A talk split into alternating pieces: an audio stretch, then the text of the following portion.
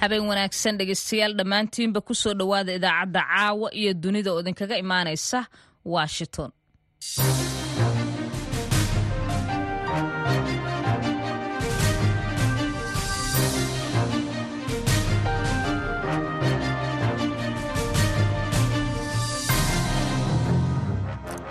Waa koob iyo tobanka bisha disembar sannadka labada kun iyo saddex iyo labaatanka fiidnimo isniin ah waxaad naga dhagaysanaysaan mawjadaha lix iyo tobanka iyo sagaal iyo tobanka mitirban iyo boggan internetka ee v o a somaali com. Saacadda afrikada bari xaggiina waxay tilmaamaysaa toddobadii fiidnimo waxaana idaacadda caawa iyo dunida idinla socodsiin doonta. Anigoo ah sahra cabdi axmed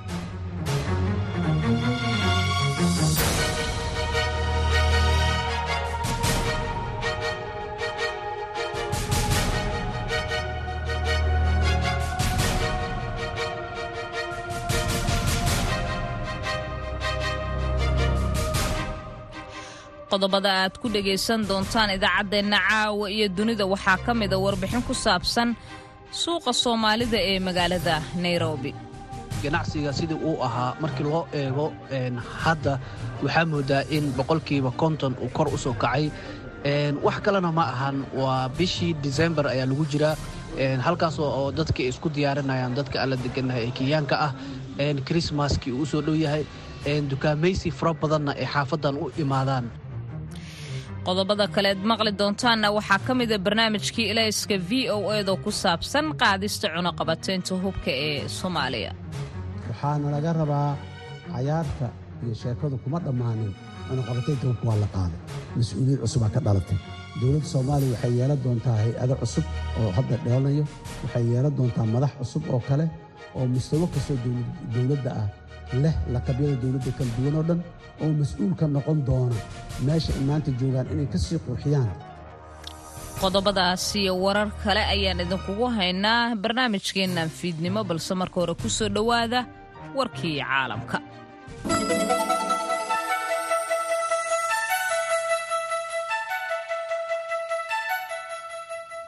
ciidamada israa'iil iyo dagaalyahanada xamaas ayaa isniinta maanteeta ah dagaal culus waxa uu ku dhex maray gudaha iyo hareeraha khan yunis oo ku taalla koonfurta marinka gaza. Xili dagaallo ay ka socdeen magaalada gaza ee waqooyiga waddankaasi ku taalla xafiiska qaramada midoobey ee isku xirka arrimaha bini'aadanimo ayaa sheegay in gargaarada qaybinteeda ay ka socotay gaza ay si weyn u joogsatay. Kadib markii laga reeba ayaa layiri deegaanka rafah ee ku dhow xuduudda masar iyada oo dagaal xoogan iyo xanibaadba lagu soo rogay waddooyinka muhiimka ah ee ay joogaan howlgallada bini'aadanimo dadka ka shaqaynaya dagaalkaasi ayaa waxaa lagu qiyaasay in ka badan ka socda gaza in ay ku barakaceen dad gaaraya hal dhibic sagaal milyan oo qof waa tiro ku dhowdhow laba milyana iyadoo sidoo kaleetana in ka badan dadkaasi ay magangelyo iyo fursado ka doonteen xarumaha ciriiriga ah iyada oo laga digayo xaaladaha bini'aadanimo oo liita ee halkaasi iyo khataraha korarka cudurrada faafi kara. Un oja ayaa sheegtay in tobannaan kun oo qof ay soo gaareen magaalada rafax toddobaadkii la soo dhaafay islamarkaasina israa'iil waxa ay sii ballaarisay dagaalka ay kula jirto xamaas ee koonfurta dhinaceeda oo ay ku jiraan howlgallada ay ka wadaan khan yunis oo magaalada labaad ee ugu weyn ah gaza. Wafdi ka socda golaha ammaanka ee qaramada midoobey ayaa isniintii u safray xadka masar iyo gaza si ay ula kulmaan saraakiisha gargaarka ee qaramada midoobey iyo hay'adaha samafalka ee ku howlan gaarsiinta dadkaasi gurmadka gargaaray u baahan yihiin.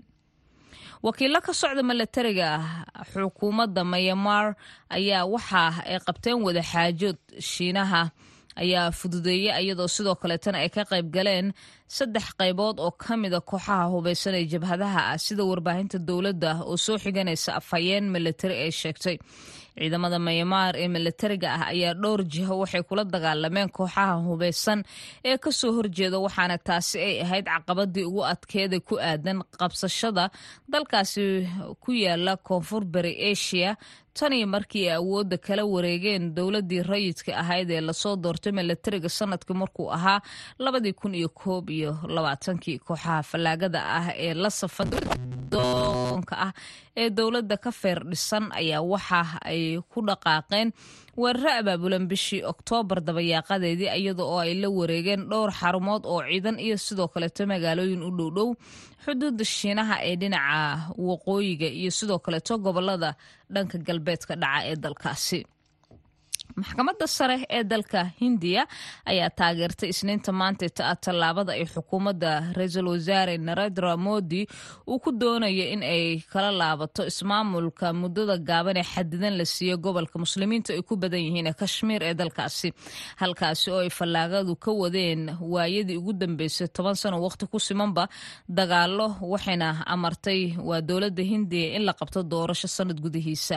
Ku dhawaaqista waxay ahayd gabagabada hanaan isdhexgal ah ayadoo taasina ay ahayd isticmaalka awood sharci ah. Sidaas daraaddeedna waxaa lagu yiri bayaan ka soo baxay maxkamadda dalkaasi ee sare kadib xukunka markii uu dhacay hadalkaasi. Tallaabadaasi waxaa barbar socday falcelinta ka imaanaysa new delhi taasi oo ah xarig ballaaran oo dadka lagula kacayay xabsiyeen iyo sidoo kaleeto isgaarsiinta oo la goonaya meelaha qaarkood iyadoo hindiya ay xoojisay ciidamadeeda qalabka sida ee gobolkaasi xuduudiisa. Si markaasi looga hortago mudaharaadyo halkaasi ka dhici kara milatariga filibiinna waxa ay isniinta maanteeta ah sheegeen in doon sahay ah oo uu la socday madaxa milatariga dalkaasi iyo ciidamaduba ay mar qur a biyo ku seereen maraakiibta shiinaha taasi oo abuurtay qarax ka dhashay doontaasi xeebta shiinaha dhammaadka asbuuca aynu soo dhaafnay waxaana taasi ay keentay in badda lagu muransan yahay ee koonfurta asia xasaradaheeda ay kor u kacaan.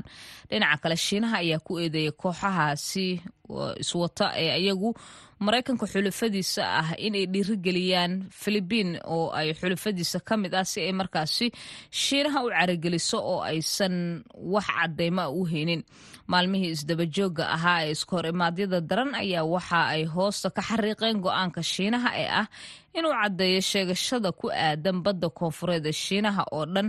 Inkastoo ay suurtagal tahay inay abuurto isku dhac weyn oo saameyn kara maraakiibta iyo howlgallada kaleeto ee milatariga ee badda si gudaheeda ka dhacaya. Warkii dunidana dhegeystayaal waa naga intaa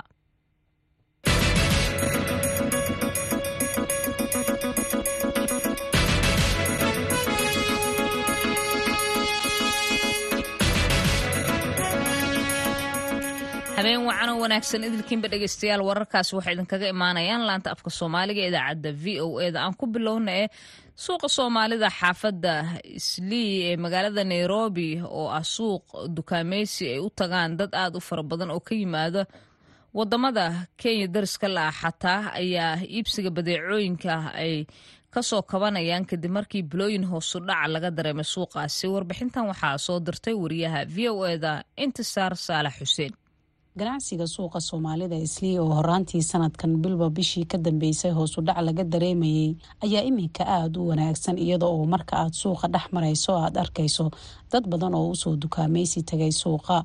Ganacsatada soomaalida islii oo qaar ka mid ah aan kula kulmay suuqa ayaa ii sheegay in iminka ganacsigu uu aada u wanaagsan yahay marka loo eego bilooyinkii hore. Magacaygu waa cabdirasaaq maxamed oo jooga magaalada nairobi qaas ahaan xaafadda islii bilihii la soo dhaafay ganacsiga sidii uu ahaa markii loo eego hadda waxaa moodaa in boqolkiiba konton uu kor u soo kacay.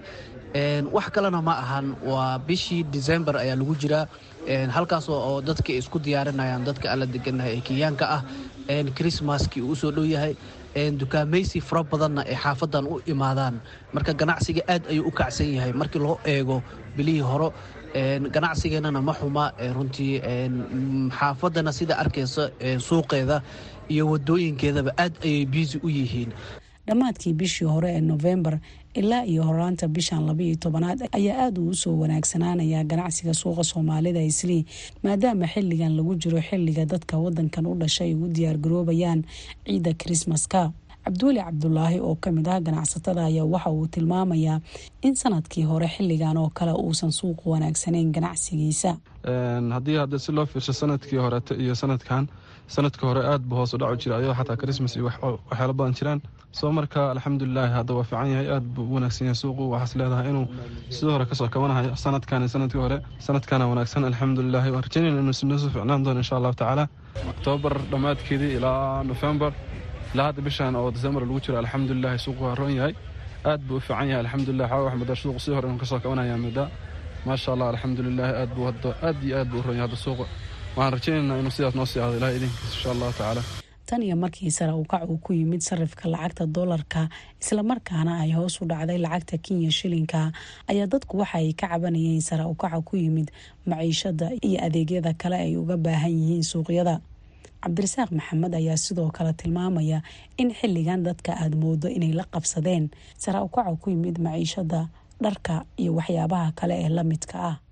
Inkastoo noloshu maalinba maalin ka dambeysa ay sii kacayso doolarkii kor u sii socdo laakiin haddana waxaa moodaa dadkii hadalhayntii faraha badnaa ee maaragtay xagga sicirka iyo nolosha iyo cabashadii laga keenayay inay iskala qabsadeen maadaama qof walba uu arkay in waxaan ay yihiin wax aan laga soo laaban karin oo dadkii ay ku qasban yihiin in ay sidaan ay ku noolaadaan ma ogi ay xal kala haynin dowladdiina ay faragelin weyn aysan ku samaynin maaragtay ama wax weyn aysan ka qabanin.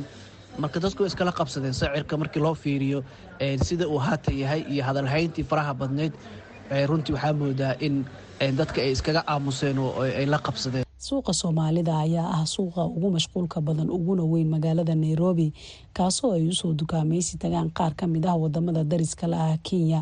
Waxaana bilooyinkii ugu dambeeyey laga dareemayay hoos u dhac dhanka ganacsiga ah walow iminka uu aada u wanaagsan yahay. Intisaar saalax xuseen v o a nairobi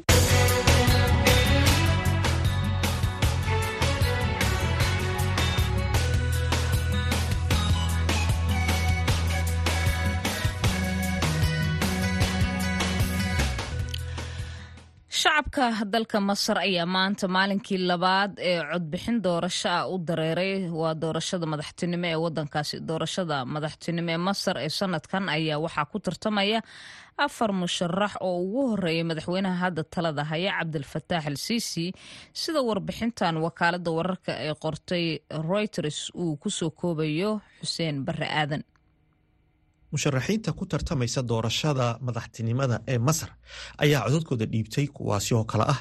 Madaxweynaha hadda talada haya cabdilfataax siisi madaxa xisbiga jamhuuriga xaasim cumar madaxa xisbiga alwafd cabdilsanad iyamaama iyo madaxa xisbiga dimuqraadiga ee masar fariid zahraan hay'adda doorashooyinka qaranka ee masar ayaa xaqiijisay habsami u socodka codbixinta ee inta badan goobaha codbixinta taasoo albaabada loo furay codbixiyaasha sagaalkii subaxnimo ee wakhtiga maxalliga ah.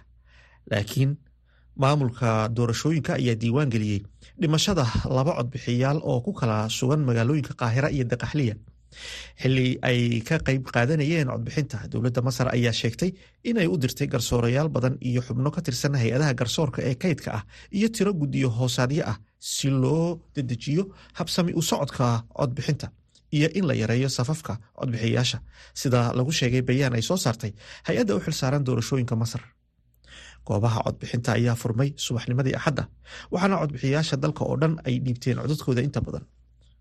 Codaynta ayaa socon doonta laba maalmood oo kale waxaana la filayaa in natiijada lagu dhawaaqo sideed iyo tobanka bishani disembar.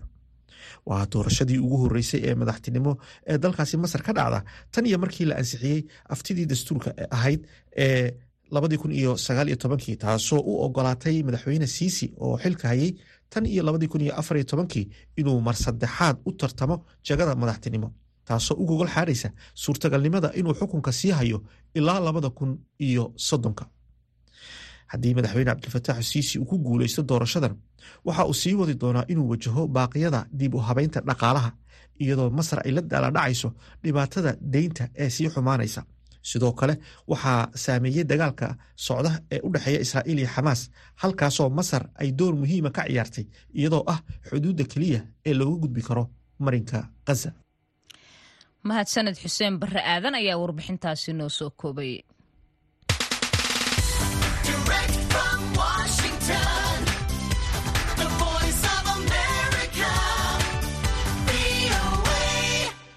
haatana dhegeystayaal ku soo dhowaada barnaamijka ilaaska v o eda waxaa soo diyaariyey soona jeedinaya maxamed colaad xasan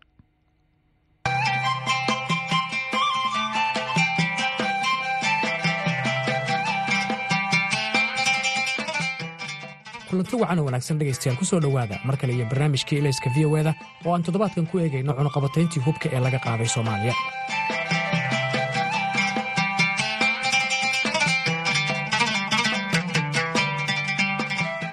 inta aanan gudagelin arrimaha qaadista cunuqabataynta aan in yar dib idin xusuusiyo taariikhda militari ee soomaaliya. Soomaaliya ayaa markii ay xorriyadda ka qaadatay gumaystayaashii sannadkii kii waxay bilowday inay dhisato mid ka mid ah militariga ugu awoodda badan qaaradda afrika.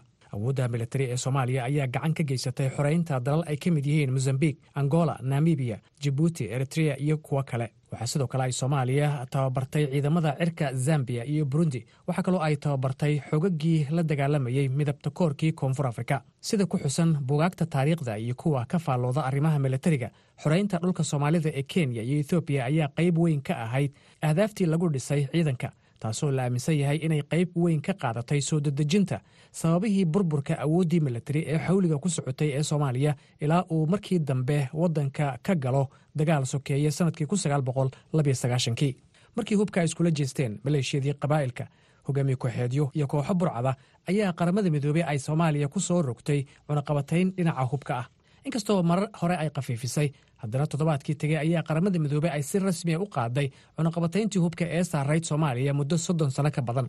Madaxweynaha soomaaliya xasan sheekh maxamuud oo ka hadlayey kulan lagu maamuusayey qaadista cunaqabataynta ayaa yidhi ma ahan keliya inaan hub gada karin ama inaan hubna la sii karin laakiin waxay ahayd bar madow oo soomaalida ku taalo. Soomaaliya cunaqabateen. Soomaaliya cunaqabateen.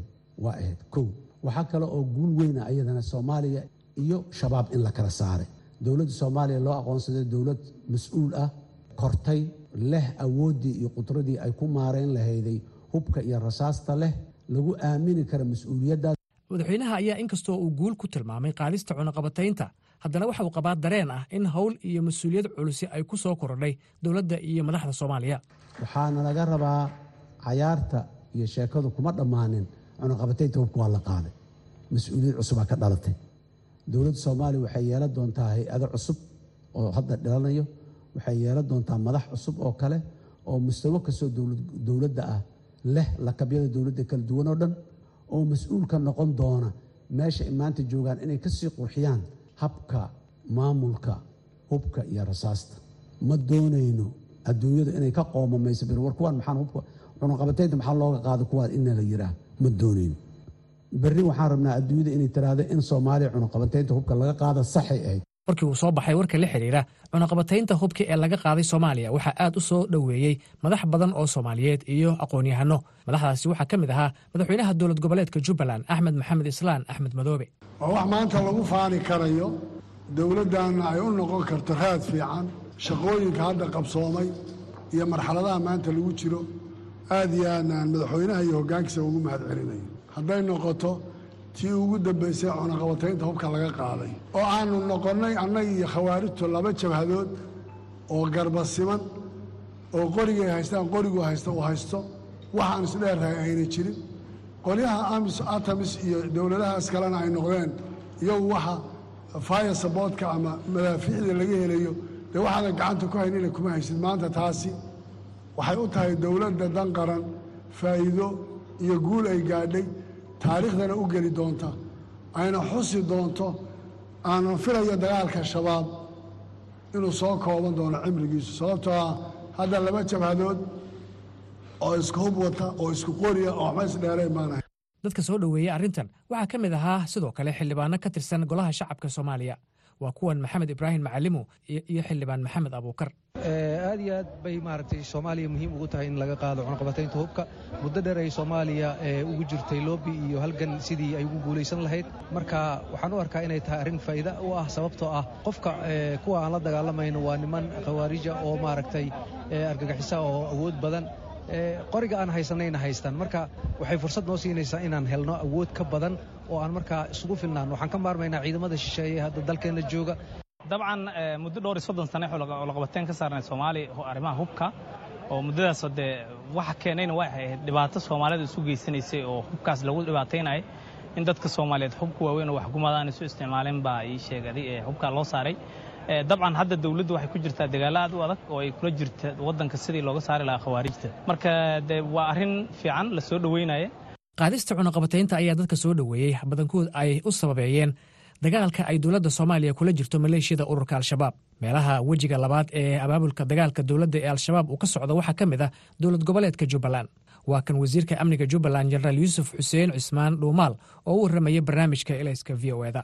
Waa shaqo aad u wanaagsan oo la qabtay iyo guul u soo hoyatay ummadda soomaaliyeed iyo arrin amniga soomaaliya. Wax ka tari doonta iyo kala dambaynta. Hadda waxaan annaga iyo ayaga isku filbaan. Qori akay haystaan way haystaan waan haysanaa. Bkm bay haystaan way haystaan. Seven bay haystaan. Maxaan ku laakiin haddii hub taya leh ay helaan ciidamada qalabka sido ama ciidanka xoogga dalka soomaaliyeed waxaa imaanayso ciidanka moraalkiisa inuu dhismo tababarkiisana uu hagaago ee ayna sifeeyaan waxyaalaha cadowga gudaha oo ummadda soomaaliyeed dhibka ku hayo in la sifeeyo oy ka adkaadaan ayaa imaanaysa. Jenaraal dhuumaal ayaa meesha ka saaray walaaca laga qabo in hub ay dowladda soomaaliya soo iibsato uu gacanta u galo al-shabaab ama maleeshiyaadka qabaa'ilka. Hub dambe oo u gacangelahayo ma jirto ciidanka xoogga dalka soomaaliyeedoo loogu talagalay difaaca dalka uu leeyahay khawaariij inuu u gacan galo lagama yaabo arrintaas. Mana dhici doonto. Qabiilka sidiisaba hubka wuxuu u haystaa in amni darre ay timaado ama qabiil kale oo hubaysan ay ku soo duulaan. Marka laba tillaabaa la qaadahayaa. Runtii labadaa tillaabo oo ah kow haddii amniga dalka la sugo qabiilka qoriba uma baahnaanayo waxaa kaloo la samaynayaa waxaan leenahay ciidan booliis ah oo si fiican u dhisan oo si fiican u tababaran. Qabaa'ilka aan hadda qoriqoriga iyo labada ka maarminna waa loo sharciyeynayaa waxaa muxuu calaamad baa loogu yeelayaa waa loo dawaangelinayaa wixii hub ahoo waaweyn oo qabiilka dheeraadka ana dowladdaa la wadaagayso jenaraal tawane axmed gurey oo horey u soo noqday taliyihii qaybta labytobanaad iyo toddobylabaatanaad ee ciidanka xoogga dalka soomaaliya oo barnaamijka elayska v o eda u warramayey ayaa isna sidan u arka qaadista cunaqabataynta soomaaliya ciidan sidiisa cudurdiisa waxaa lagu cabiraa halbeega lagu cabiro waxa waaye waa waa qalabkii hubkii tababarka marka ciidan hub haysan oo dagaal ku jiro way isla hub ekaayeen qorigaakifdhisagan haystaa kan haystaa beekam u haystaa kan waa haystaa marka dee cudud laysma dheerayn laakiin hadda markii dowladda cunaqabataynta laga qaado ciidanka waxaa loo soo waxaa loo soo iibina hub xoogtaa loo soo iibina oo ay cadowgooda kaga duwan yihiin. Taasina waxaa u suurtageli de in ammaankooda ay xafidaan. Markaas marka dee awooddaasaa imaanay marka waa arrin muhiim ah in cunaqabataynta laga qaado anigu saasaan u inkastoo gudaha iyo dibaddaba looga arkay arrintan guul u soo hoyatay soomaaliya haddana waxaa jira dad qaba inaanay u fududayn sida loo filayo. Waa kan korneel cabdulaahi cali macow oo ka faallooda arrimaha amniga hay'adda sirdoonka soomaaliyana ka soo shaqeeyey. Macnaheeda maahin ma isla isla bilaha soo socdaba in maaragtay kaarayaal iyo hub culus iyo altelary iyo madaafiicda goobta in lagu keenayo. Aan ka soo qaado sarkaalka hubka iyo rasaasta mas'uuliyaddeeda qaadayo waa inuu aadaa akademiya ugu yaraan afar sannadood ah. Waayo hubka wuxuu u baahan yahay xanaanad meesha lagu kaydinayo mas'uuliyadda explosivekaas iyo waxyaabaha qarxo oo hubka la qaadaya cunaqabatayntaas uu ka kooban yahay. Qaabkii loo xanaanayn lahay loo ilaalin lahay dadkii la ilaalinaya xolidooda iyo tababaradooda iyo discibliinkooda iyo qiyamka akhlaaqda ay leeyihiin ethicska ayaa waxa waaye keliya ayaa ugu yaraan waxay qaadanaysaa toban sannadood in maaragtay soomaaliya ay gaarto in maaragtay ay kaarayaal iyo madaafiicda goobta iyo diyaaradaha iyo maraakiibta dagaalka iyo inay helaan. Laakiinse waa wanaag haddii hubka laga qaado laakiinse waxa waaye marka ugu horreyso isku soo bood ma ahin tababar iyo waxay u baahan tahay dowlad mas'uuliyaddaas qaadato oo maaragtay tababarto muxuu ahay ciidanka soomaaliya saraakiishii hubkaasi hayn lahayd xanaanayn lahayd muxuu ahay aqoontooda ay durugsan tahay maxaa loo soo tababar inay hesho waa gartay laakiin korneel macow waxaa jira baahida keentay in cunqabateynta soomaaliya laga qaada hadda. Waxa keenay waa wax deg dega oo dagaalka dowladda soomaaliya ay kula jirto al-shabaab iyo nabadgelyada la soo celiyo iyo ciidamada africa union oo waddan ka baxaya oo soomaaliya u baahan tahay ciidan xoogan marka sidaad sheegaysa hadduu hanaanka loo marayo hub soo iibsashada ama hub in la keeno soomaaliya wakhtigaa dheer ay qaadanayso. Maxaa macno aho ku jira in soomaaliya cunaqabateynta laga qaado horta hubka fudud markii la leeyahay waa inta hadda ay soomaaliya ay haysato. Gawaarida gaashaaman oo maaragtay taayarada leh oo aan maaragtay aan ku soconin shingolaha ama biraha aan ku soconin iyo muxuu ahay iyo boobayaasha culus inta hadda ay ku dagaalamayso dowladda soomaaliya way ku filan tahay inay maaragtay shabaab ay kula dagaalamaan. Kaasoo la sii kordhiyey mas'uuliyaddeedana la qaado. Xuseen macalin maxamuud la taliyaha amniga qaranka ee madaxweynaha soomaaliya oo la hadlayey v o eda ayaa sheegay in maanta aanay jirin caqabad weyn oo ka hortaagan soomaaliya inay hubka ay u baahan tahay si ay ciidankeeda u tayayso soo iibsato. Wax hadda restriction ah oo maanta nahaya ma jiro. Dabcan maanta waxaa naga xiga hub iyo annaga waa uun dhaqaale. Iyo dabcan hubkaas dadka isticmaali lahaa waxaa ku jira diyaaradaha taangiyada maraakiibta nooc kasta oo hub ah ayaa ku jira. Marka inaan ayana tayadeedii aan dhisano oo ay taasna aan hadda bisha labiyo tobankeeda december aan beesha caalamka new york ku ballansanay si aan uga tashanno taageerada ay la garab taagan yihiin dhisidda ciidanka. Hub waa haysanay waana heli karnay laakiin jidadka loo marayay iyo shan iyo tobanka dal oo golaha ammaanka ama gaar ahaan shanta oo permanentka ah. Mid ka mid a hadduu arrintaas dhibsado inaanan xor u ahayn in aan keensan karno. Marka sidaas awgeed dal hadda dalalka adduunka la mid ah oo raba inuu isu diyaariyo inuu amnigiina dalka la wareego shabaabna maaragtay dadka ka hor wareejiyo waxaa kaloo jira walaac laga qabo maamulka hubkan iyo doorka uu ku yeelan karo qulqulka hubka sharci darrada ah ee soomaaliya muddada ka jiray siyaasiga cabdulaahi sheekh xasan waa guddoomiyaha xisbiga nabadda. Waxa uu horey ula soo shaqeeyey guddi uu midowda afrika u xilsaaray ka tala bixinta hubka dhigista soomaaliya horaantii labadii kun. Xilli lagu howlanaa sidii ciidamo nabad ilaalina loogu diri lahaa soomaaliya. Barnaamijka elayska v o eda ayuu u warramay dabcan waxaa cunaqabeedka laga qaaday waa hubka dawliga qaabka dawliga loo soo garto oo hubka culus uu ka mid yahay laakiin soomaaliya hubka yaryar iyo xataa mid ayadu si macdara u samaysata oo kudhiiso aan aan culus ugu yiilay oo beeluhu ku dagaalamaan ama jabahaadku. Xakamaynta hore waxaa isha lagu hayay waxa dibadda uga ka imaanaya oo ama doomaha ku imaanaya ama sida qarsoodiga si kutrabana loo keenayay dadkan yaryar cadi ma control kari jireen. Haddana ma control karayso la taliyaha amniga qaranka ee madaxweynaha soomaaliya xuseen macalin ayaase kala duwaya qulqulka hubka soomaaliya soo gelayay iyo kan ay hadda dowladdu damacsan tahay inay soo iibsato waxaan la yidhaahdo flow of hubka yaryar oo dhaqdhaqaaqiisa ama qulqulkiisa. Waa wax si guud dunidao dhan ka wada jira. Dalalkan dariska borderskooda qulqulka hubka yaryarka ah. Newska haddaad la socoto aad ayuu u xoogan yahay. Wax caalamkao dhan maaragtay ku baahsan waaye. Wax soomaaliya ku kooban ma aha. Laakiin soomaaliya iyada in ay maaragtay howlahaas xeerar lagu ilaaliyo iyo awoodo lagu ilaaliyo inay degsato ay ka shaqayso ayay mas'uuliyaddeeda tahay. Beesha caalamkana marka taageero ay ka siiso sida arrimahaas ay shabaab looga cunaqabatayn lahaa.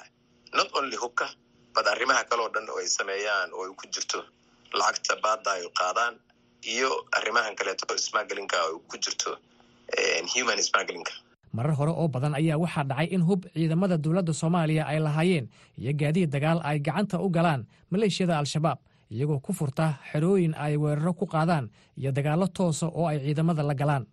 Xuseen macalin ayaa qaba in hubka culus ee ay dowladdu heli doonto uu isaga laftiisa qayb ka qaadanayo sidii hubka gacanta shabaab looga ilaalin lahaa. Waxaas waxay ahaayeen hubkii aan labada dhinac wada haysanay oo isku nooc ahaa. Waxaa la kala qabsanayay. Laakiin midkan waa hub ka waaweyn hubkii hore oo runtii la dhigi karo waa game changer ka ciyaarta. Wax weyn ka bedelayo la isku maquuninayo tusaale haddaan kuusoo qaato waxa ina dheeraayeen waxay ahayd in ay baabuur qaraxa ay weerarada ku soo aadaan ay ciidanka soomaaliya soo weerarayaan. Badanaa ciidamada baabuurtaas hub ay ku joojiyaan oo awood u leh inuu meeshiisa ku qarxiyo. Ayaan jiri jirin. Haddii maanta marka aan fursaddaas helno in tactigaas ay wada ay ku guulaysan jireen ama ay ku soo weerari jireen oo dhan in ay meesha ka baxayso oo ciidanku uu ka nabadgelayo in laysa soo gaaro oo baabuur weyn uu maaragtay aad u qarqiya ama u jahwareeriya uu soo gaaro. Waxaa kaloo jira aragtiyo kale oo odhanaya in marka hore la helaa istaraatiijiyad hubka gacanta shacabka ku jira loogu soo celinayo dowladda cabdulaahi sheekh xasan ayaa ka warramaya nooca hubka gacanta shacabka ku jira iyo kan hadda dowladdu doonayso.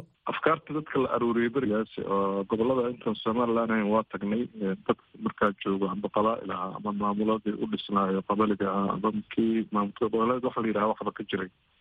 Qoladan puntland unbaa berigaa jirta wax maamul goboleed ma jirin. Aragtida dadku qabeen iyo markaa hubka la qiyaasayay inuu gacanta dud ku jiro wuxuu iska ahaa hub fudud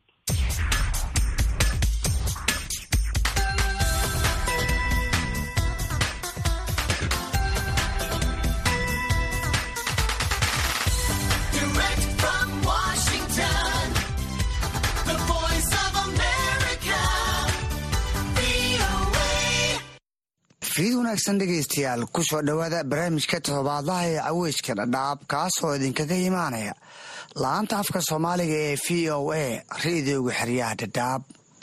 Barnaamijka toddobaad walba waxaad ku dhagaysataan labada mawduuc ay ugu hadalheynta badan yihiin bulshooyinka ku nool xeryaha qaxootiga.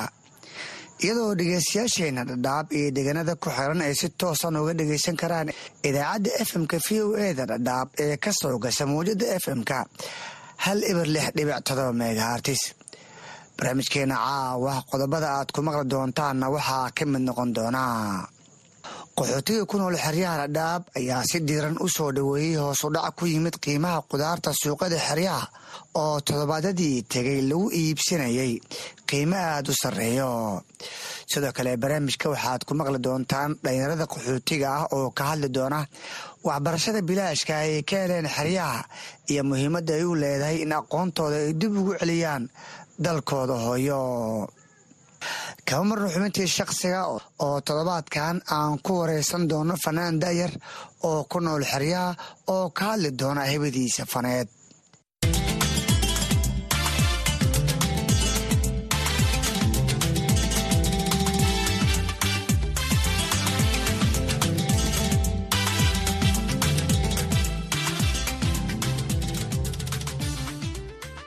barnaamijka waxaa idinla socodsiinaya anigoo ah cabdisalaan axmed.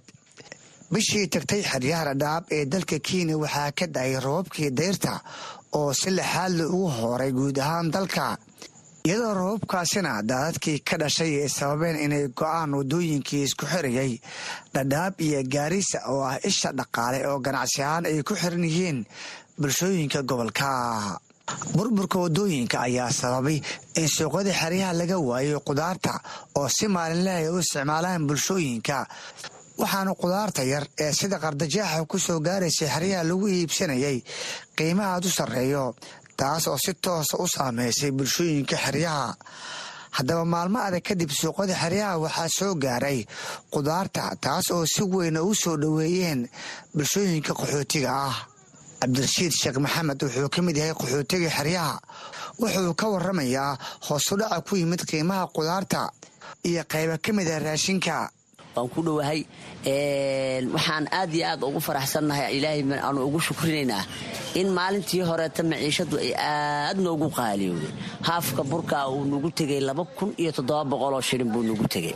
Hadda alxamdulilaahi rabbilcaalamiin ilaahay baa mahad iskale shantii beri oo roobka uu naga kala yarqaaday waxayna tagtay boqoloo durba tegey hoos buu u degay qudaartiina way noo raqiistay oo sidii horeeto kiiladii yaanyada awal maalin dhexdaas waxay nagu gaadhay ilaa bay nagu tagtay.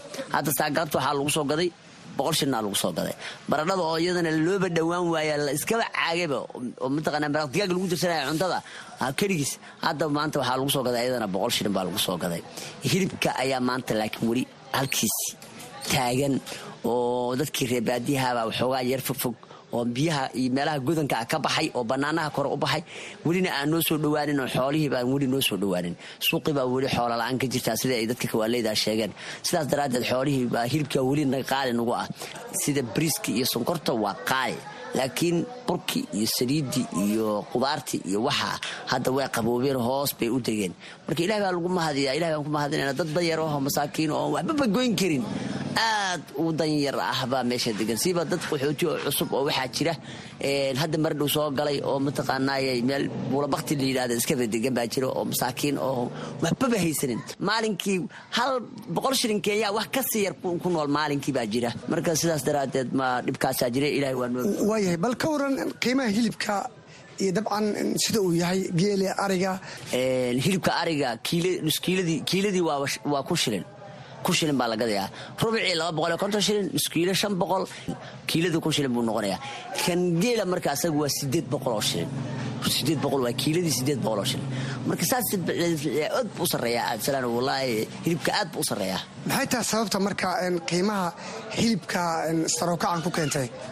Dadkii reer baadiyaha baa macnaha la waayey oo maqan oon weli imaanin laakiin weli hareeraha anaga lagihii oo macnaha toogii iyo wixii mataqaanaa laagihii korka anaga marahayay oo dhan baa biyo wada. Marka xooluhu meel ay soo maraan oo wadda saxa oo ay soo qaadaan ma jirto. Sidaas daraaddeed xoolihii way fog yihiin oo markii horena biyaha meelaha godanka ee dhulhoosaadka ah ee bannaanka ooga baxeen. Marka weli ma soo dhowaanin xoolihii saasaa keenaysa suuqi marka waa iska cidlo cidlo aad ba u mahadsan yahay. Kaasina wuxuu ah cabdirashiid sheekh maxamed oo noogu warramay gudaha xeryaha dhadhaab ee gobolka waqooyi bari. Dhinaca kale qaar ka mid a haweenka qaxootiga ah ee ka ganacsada qudaarta ayaa dib u bilaabay inay ka ganacsadaan qudaarta kuwaas oo maalmihii tegay ahaa xaafad joog maadaama qudaarta si toos ah aysan u soo gaarin suuqada xeryaha waatan mid ka mida hooyooyinka qaxootiga ah ee ka ganacsada qudaarta oo barnaamijka caweyska la wadaagtay shaqala-aanta soo wajahday maalmihii tegay iyo rajada ay ka qabto isbeddel ku yimaado guud ahaan qiimaha maciishada. Walba annagu dad iska qaxootiyo xere iskaga jiraan hayn. Marka wax noo soo gelaya male albaabadii waa la xiray ganacsigu waa la xiray. Hadda laakiin waxaad moodaa xoogaa inay wax furfurmayaanoo wax yar ay soo yara iftiimayaan inkastoo sidii la rabay weli ay noqonin. Waa tahay idinka ganacsigiina muxuu ahaa annaga waxaanu gedi jirnay qudaar iyo baan iska gedi jirna boogan gadnaa. Marka haddee qudaarna waa wax iska qoyanoo marna la helo mar la waayo markii jidkii waxayse waa la waayey dadku raasumaal kalena ma lahayn waa wax qutulduruuriya oo maalintaa la helo uun la isticmaalayo. Marka dee waan guryaha iska saxsaxanay jawaan maba la xisaabi karo kiiladii afar boqol oo shilin. Yaanyada afar boqol bardhada afar boqol basasha lix boqol aa la gadaay marka dee dadkii waxaan gadanayna waa la iska dhaafay. Xabad xabaduunbaa iska gadatay. Waana la waayay markii dambe. Suuqa qudaartuna wuuba xirmay. Albaabadii waa loo laabay. Guryahaan iska fadhinay bildhan guryahaan iska fadhinay wax ilmii la siinaya male wax la karsanaya male mashquul baa iska dhacay waa tahay hadda wadooyinkii qaar waa furmeen qudaartii suuqa ku soo bilaabatay bal ka warrama isbeddelka aad dareemaysaan wallaahi hadda isbeddelkii xoogaa wuu soo iftiimayaa laakiin weli hadda sidii la rabay ma noqonin. Weli wixii waa qaali weli si fiican uma soo uma imaanin dhaqdhaqaaq uma bilaabanin. Weli dadkii xiray. Hadaa walba dadka hanti lama lahayn wixii yaroo dadka la keeno ayay ka sii ganacsan jireen oo wax ka raadin jireen. Isbedel weyn baa muuqanaya. Aad baan hadda niyadu noogu dhisantay hadda inay xoogaan noo soo jabtay ayaan jecelna wallaahi dad dan yara oo dhibaataysan baa jiray oo noo imaan jiro xabadaha yaanyada aan siin jirnay ooy karsanayaan. Haddee maxay haystaan dadkaas? Waaba u dhammaatay. Awalba waxaan haynaa wax ka siin jirin. Haddana hadee waaba bes bagaajay u bakhtinayaan. Daadad baa dhacay. Dadkii guryi waa laga barakacay. Guri masquuli way ka dumeen. Dhib badan baa soo gaaray. Laakiin hadda insha allah biidnillaahi kariim khayr baan rajaynayna maciishadu wax weli wax raqiisay ma lehe. Sonkortii weli hadda waxay maraysaa toban shan kun shan kun haafkii baa maraya loorkii wuxuu marayaa toban kun. Wax isbedela ma leh. Marka waa ilaahay khayr ha keeno khayr alla ha keeno. Ha insha allah isbeddel baan rajaynaynaa. Ilaahay rajadiisa lagama quusto. Marka rajo fiican baan iska rajaynaynaa. Aad bay umahadsantahay taasina waxay ahayd hooyo qaxooti ah oo ka ganacsata qudaarta oo noogu warantay gudaha xeryaha dhadhaab ee gobolka waqooyi bari.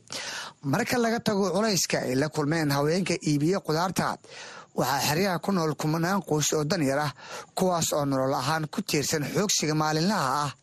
Aasiya cali juuma oo ka mid ah haweenka ka shaqaysta dhardhaqaalka ayaa ka warramaysa isbeddelka maciishadda iyo saameynta uu ku yeeshay qoysaska danyarta ah iyadoo xeryaha ay ku nool yihiin boqolaal qoys oo aan helin adeega samafalka ay bixiyaan hay'adaha kuwaas oo aan u diiwaan gasheen hay'adda u n z r qaabkan u shaqeeya alaabaan dhaqaa gurigan haaqaa dharkan dhaqaa. Marka ilmahay saas baan ku korsada ani. Marka raashinkii roobkaa imaade biyihiiyaa imaadeen jidka waa xirmeen marka noloshii dhanaa naga adkaataybo qudaartina qaali ay noqotay waaba la waayaybo hilibkan soo gadanayna oo qaaliga ah laba boqol dharaanku soo dhaqaa hilibaan soo gadaa bariiskii kista yar oo idiyaashi aa loogu karina ilmihii. Qudaartii afar boqol ay gaarte. Afar boqolna ma haysano. Masaakiinaan nahay. Maalintii laba boqolaa soo hashi. Afar boqol intee ka keeni way? Waa maya. Marka labadii boqola wixii allaan soo helna waan karsanaynaa saasaan ku nooleenay. Marka bariis qalalan iyo saliid aday wax yar tas loogu siina intii mungo oo wax laga helay. Bal hadda ka waran hadda mungo alxamdulilah waan isku roognahay ilaaha ka mahdiyaana ku shukriyaana marka qudaarta hadda waa inoo imaate.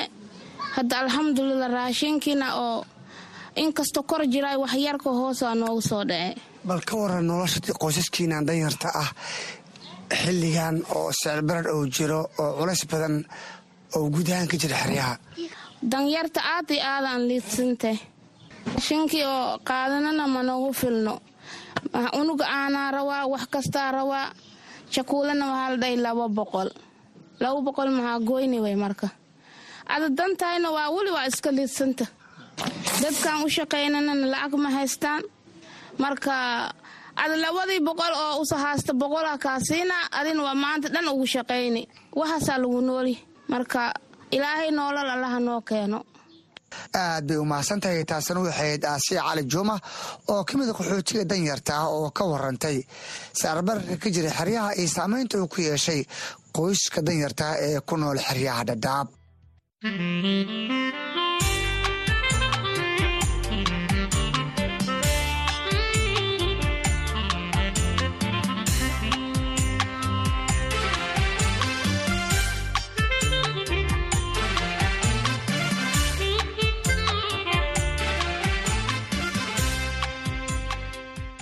waa xagaag waxaan soo gaarnay qaybihii dhexe ee barnaamijka. Waxaa idinku soo maqan warar kale oo ku aadan isla sheekooyinka qaxootiga balse iminka aadinku wareejiyo saaxiibkay axmed cabdulaahi jaamac oo istuudiya igula sugan si uu nagu soo tabiyo barnaamijka qaybihiisa kale. Mahadsanid cabdisalaan axmed dhegaystayaal waxaad nagala socotaan barnaamijka caweyska dhadhaab o aad ka dhegaysanaysaan laanta afka soomaaliga ee idaacadda v o a waxaana uu barnaamij si toosa idinkaga imanayaa xeryaha dhadhaab ee gobolka waqooyi bari ee kenya ku soo dhowaada warbixinno kale oo la xidhiira nolosha dadka ku nool xeryaha qaxootiga oo qayb ka ah barnaamijka caweyska dhadhaab ee toddobaadkan. Waxaa ka mid a qodobada aad ku maqli doontaan xubintii shakhsiga oo toddobaadkan uu marti noogu yahay daa'uud maxamed oo ah fanaan da'yaroo ku nool.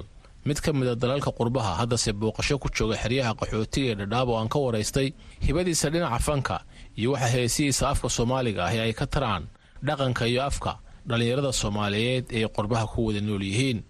Waxaad kale oo maqli doontaan dhallinyarada ku nool xeryaha qaxootiga ee dhadhaab oo ka hadlaya waxbarashada tayada leh ay ku heleen xeryaha qaxootiga iyo sida ay u jeclaan lahaayeen inay aqoontooda uga faa'iideeyaan dadkii iyo dalkii hooyo ee soomaaliya. Haddii aan ku bilaabo dhegaystayaal xubinta shakhsiga daa'uud maxamed oo ku magac dheer daa'uud indhayare waa nin dhallinyaro ah oo hore qoyskoodu ay ugu noolaayeen xeryaha dhadhaab isagoo aad u yar ayaa qoyskoodu fursad dibudejina ka helay dalka maraykanka halkaa oo ku barbaaray waxna ku bartay. Daa'uud hadda waa fanaan ku heesa afka soomaaliga waxaanuu hadda booqasho ku joogaa xeryaha dhadhaab. Daa'uud ayaan ka waraystay hibadiisa dhinaca fanka iyo waxa heesihiisa afka soomaaliga ah ay ka taraan. Dhaqanka iyo afka dhallinyarada soomaaliyeed ee ku wada nool yihiin gobolka uu degan yahay waxaana uu waraysiga ku bilaabayaa sida uu fanka ku soo galay. Waaga hore oo heesooyina iska qaadi jiray oo wax balaybaga iska sameyni jiray qase yarana iska qorani jiray.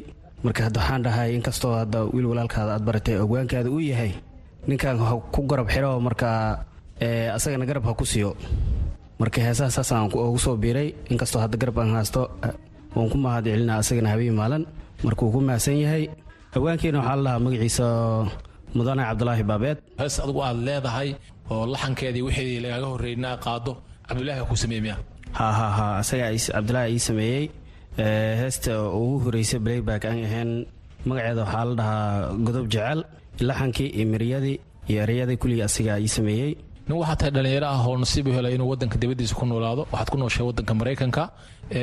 Inaad adoo maraykan jooga oo wadankii ka maqan aad heesihii soomaaliga jeclaato oo dadku la leeyahay dhallinyarada dhaqan kale jecel yihiin heesa ingiliisha inay qaadaan ay jecel yihiin hadday fanaan noqonayaan af soomaaliga bay ka faanayaan. Sababta xilligan adiga kuu kaliftay inaad luqadaadii iyo dhaqankaagii aad dib ugu soo noqoto oo luqadaadii aad xiisayso oo afkaaga aad ku heesto maxay tahay? Horta waagii hore meesha aan ka tegay wiil yaraan ahay.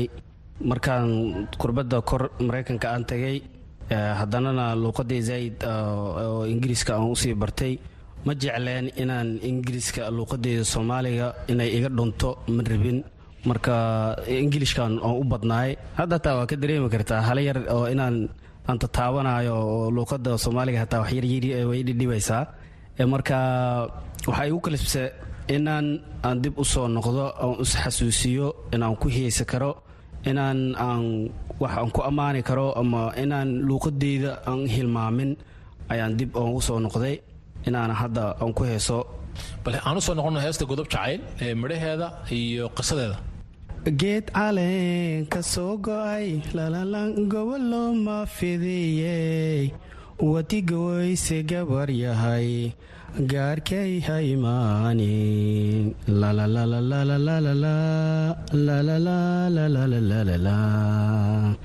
adiga caalkana diiday kaa quustay gabar yahay adiga caalkana diiday. Kaa quustay gabar yahay ani guri burwaaqo gulihaya ku geeyo. Aniguna gayaankee ayaan guursa doonay gacaloy dhallinyaradii aad la joogtay waddanka maraykanka markaad ku heestay heestan oo hees cusub oo hore loo maqlin oo maaragtay heesta ay ka muuqato af soomaali badan iyo farshaxan afka soomaaliga sidee u arkeen? Way igula yaabeen horta markay maqleen marka waxay igu riyeen macdi miya ani miihiyaan dhahay ma waa qof kale codkeeda kama dareemaysid miya haddii magaca been kuu sheegaya ii qaad maalinaha marka anagoo kubad ciyaarayno garoon aan joogno aa la isku imaadeen aroosaa ka jireen marka waxaa layidhaha daawuda caawa la soo casuuntay asaga oo macnaa oo ka heesi rabaa arooskan beenaa loo ii qaatay marka waxaa laydhahaa hees hees kalean ka tuuray ayadana heesaha way badan yihiin laakiin waxaan ka tuuray gabadha heesta aan u heesa aan ammaan raba aan u heesay. Heestii labaad waxaa tii aroos baan ka qaaday. Yaa heesta labaad kuu sameeyey?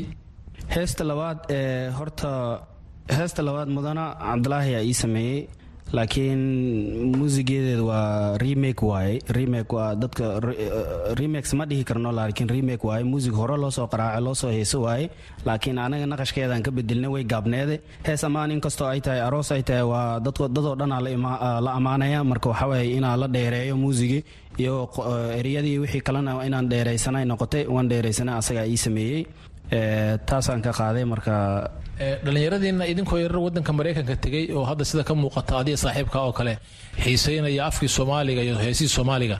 Dhallinyarada la doonayo dhaqankoodii in lagu hayo ee soomaalida ah ee gobolka idinla jooga.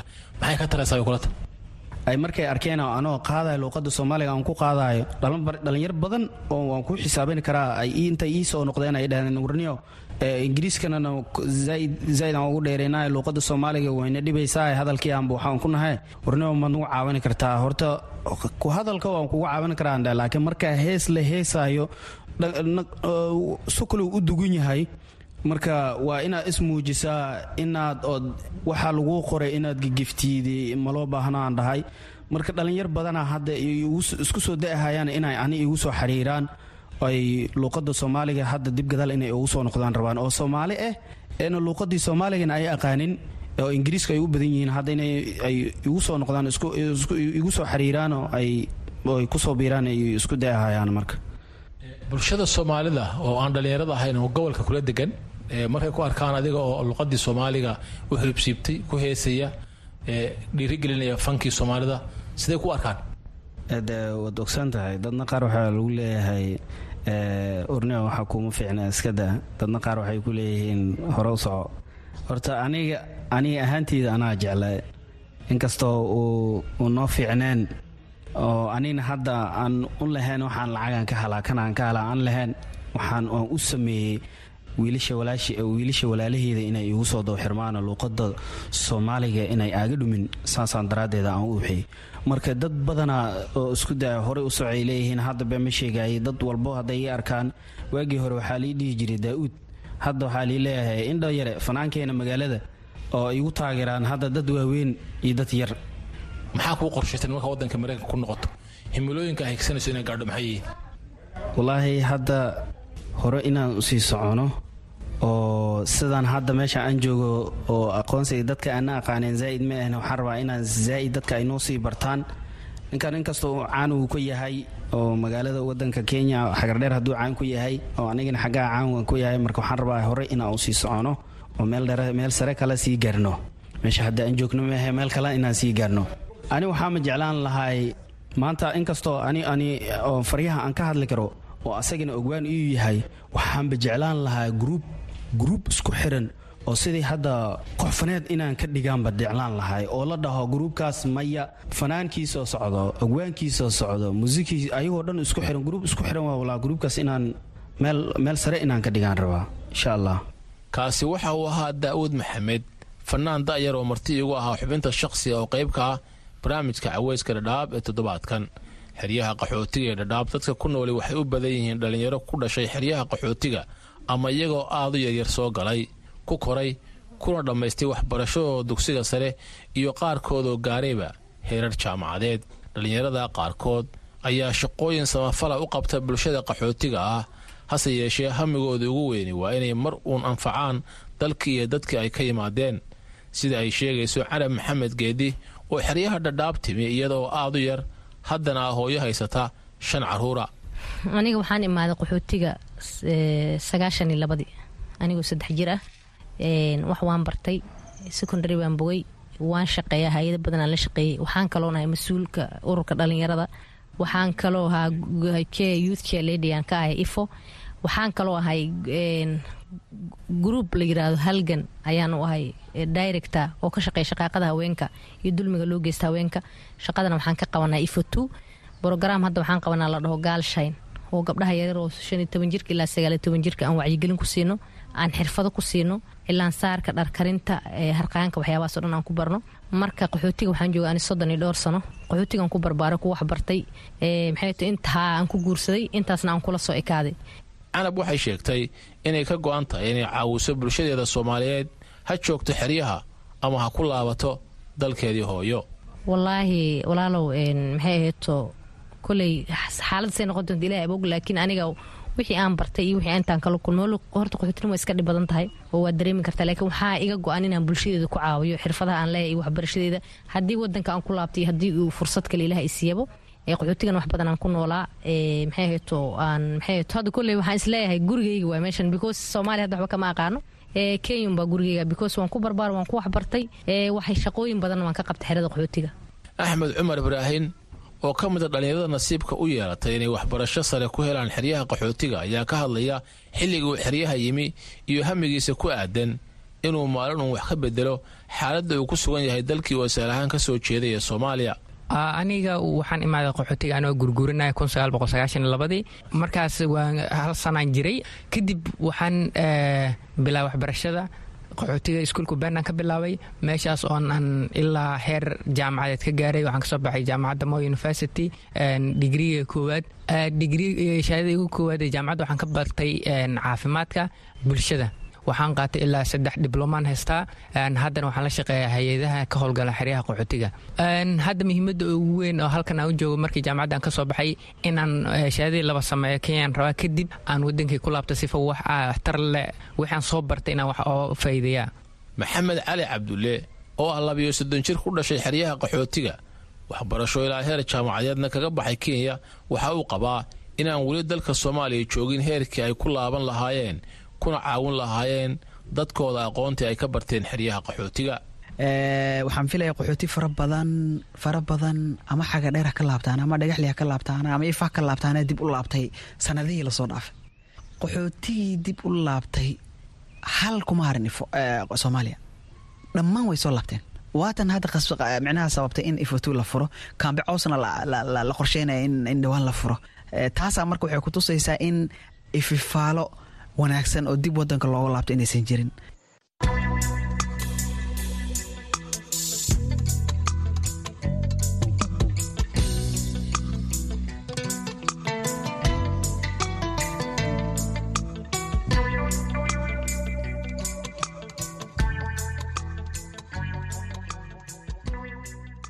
Dhegaystayaal inta ayuu inoogu ogyahay barnaamijkii caweyska dhadhaab ee toddobaadkan oo qaybtiisan dambe aan idinla socodsiinayay anigoo axmed cabdulaahi jaamaca. Intaasi aanan ka bixin aan mar kale dib idinku celiyo. Cabdisalaan axmed cabdisalaan oo barnaamijka ila daadihinayey mahadsaned axmed dhegeystayaal haatanna nala dhegeysta heesta barnaamijka